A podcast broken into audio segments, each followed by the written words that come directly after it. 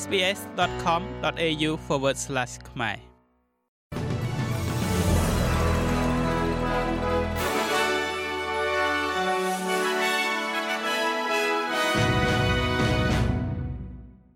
ចាសសូមស្វាគមន៍មកកាន់នេតិព័ត៌មានខ្លីៗរបស់ SBS ខ្មែរសម្រាប់ថ្ងៃប្រហ័សទី16ខែវិច្ឆិកាឆ្នាំ2023 ប្រធានាធិបតីអាមេរិកលោក Joe Biden និងប្រធានាធិបតីចិនលោក Xi Jinping បានជួបគ្នានៅឯខាងក្រៅកិច្ចប្រជុំកំពូលនៃកិច្ចសហប្រតិបត្តិការសេដ្ឋកិច្ចអាស៊ីប៉ាស៊ីហ្វិកហៅកាត់ថា APEC នៅក្នុងរដ្ឋ California ដោយសង្ឃឹមថានឹងធ្វើឲ្យទំនាក់ទំនងរវាងសហរដ្ឋអាមេរិកនិងចិន មានស្ថិរភាពបន្ទាប់ពីមានភាពច្របូកច្របល់មួយរយៈ មេដឹកនាំទាំងពីររូបបាននិយាយគ្នាជាលើកចុងក្រោយកាលពីមួយឆ្នាំមុននៅលើកោះបាលីនៅខាងក្រៅកិច្ចប្រជុំកំពូល G20 ចាប់តាំងពីពេលនោះមកទំនាក់ទំនងរវាងប្រទេសមហាអំណាចសេដ្ឋកិច្ចទាំងពីរនេះត្រូវបានប្រទីងប្រទង់ដោយការបាញ់ទម្លាក់បាឡូនចារកម្មចិនរបស់អាមេរិកនិងភាពមិនចុះសម្រុងគ្នាលើបញ្ហាកោះតៃវ៉ាន់ដែលគ្រប់គ្រងដោយខ្លួនឯងក៏ដូចជាឧបតហេតុការទូតផ្សេងផ្សេងទៀត។ លោកប្រធានាធិបតី Biden មានប្រសាសន៍ថាមេដឹកនាំទាំងពីរមិនតែងតែឯកភាពគ្នានោះទេប៉ុន្តែកិច្ចសហប្រតិបត្តិការរវាងប្រទេសមហាអំណាចទាំងពីរនេះគឺចាំបាច់ណាស់ក្នុងពេលនេះដែរលោកនាយករដ្ឋមន្ត្រី Anthony Albanese ក៏បានទៅដល់ទីក្រុង San Francisco ហើយនៅមុនកិច្ចប្រជុំកំពូលរបស់មេដឹកនាំ APEC នេះ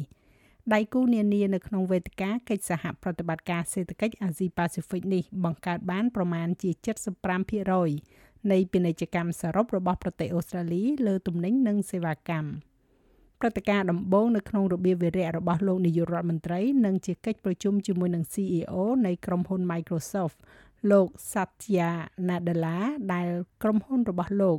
បានចោះកិច្ចព្រមព្រៀងជាមួយនឹងប្រទេសអូស្ត្រាលីក្នុងការផ្តល់សេវាកម្មកុំព្យូទ័រលើពពក ការបណ្ដុះបណ្ដាលនិងសន្តិសុខអ៊ីនធឺណិតដែលមានតម្លៃប្រហែលជា5000លានដុល្លារ។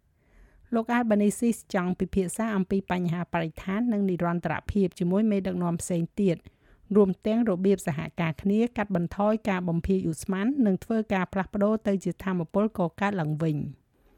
បកមកក្នុងប្រទេសអូស្ត្រាលីយើងវិញរដ្ឋមន្ត្រីអន្តរប្រវេសន៍លោក Andrew Char បានដាក់ចេញនូវសេចក្តីព្រាងច្បាប់ថ្មីមួយទៅកាន់សភាសម្រាប់ការធ្វើវិសោធនកម្មច្បាប់អន្តរប្រវេសន៍ Migration Act ដែលនឹងដាក់កម្រិតតឹងរឹងទៅលើអ្នកដែលត្រូវបានដោះលែងពីការឃុំឃាំងអន្តោប្រវេសន៍វាកើតឡើងបន្ទាប់ពីសេចក្តីសម្រេចដ៏សំខាន់កាលពីសប្តាហ៍មុនដោយតុលាការជាន់ខ្ពស់ដែលបានកំណត់ការឃុំខ្លួនជនអន្តោប្រវេសន៍ដោយគ្មានកំណត់ថាខុសច្បាប់ដែលនាំឲ្យមានការដោះលែងអ្នកជាប់ឃុំចំនួន83នាក់ក្នុងចំណោមការរឹតបន្តឹងដែលបានណែនាំឡើងដោយសេចក្តីព្រាងច្បាប់ថ្មីនេះនឹងមានការត្រួតពិនិត្យអ្នកជាប់ឃុំដែលត្រូវបានដោះលែង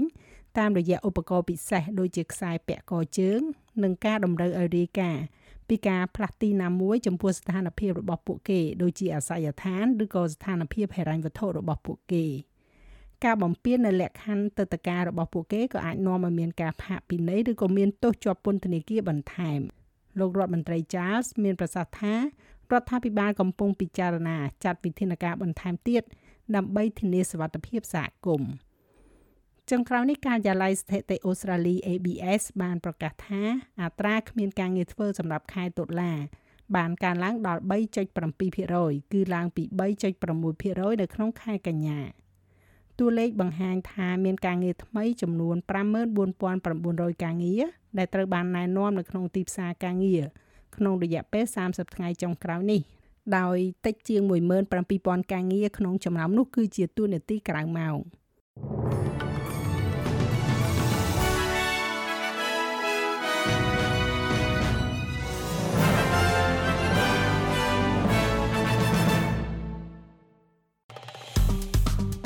ចុច like share comment និង follow SPS ខ្មែរនៅលើ Facebook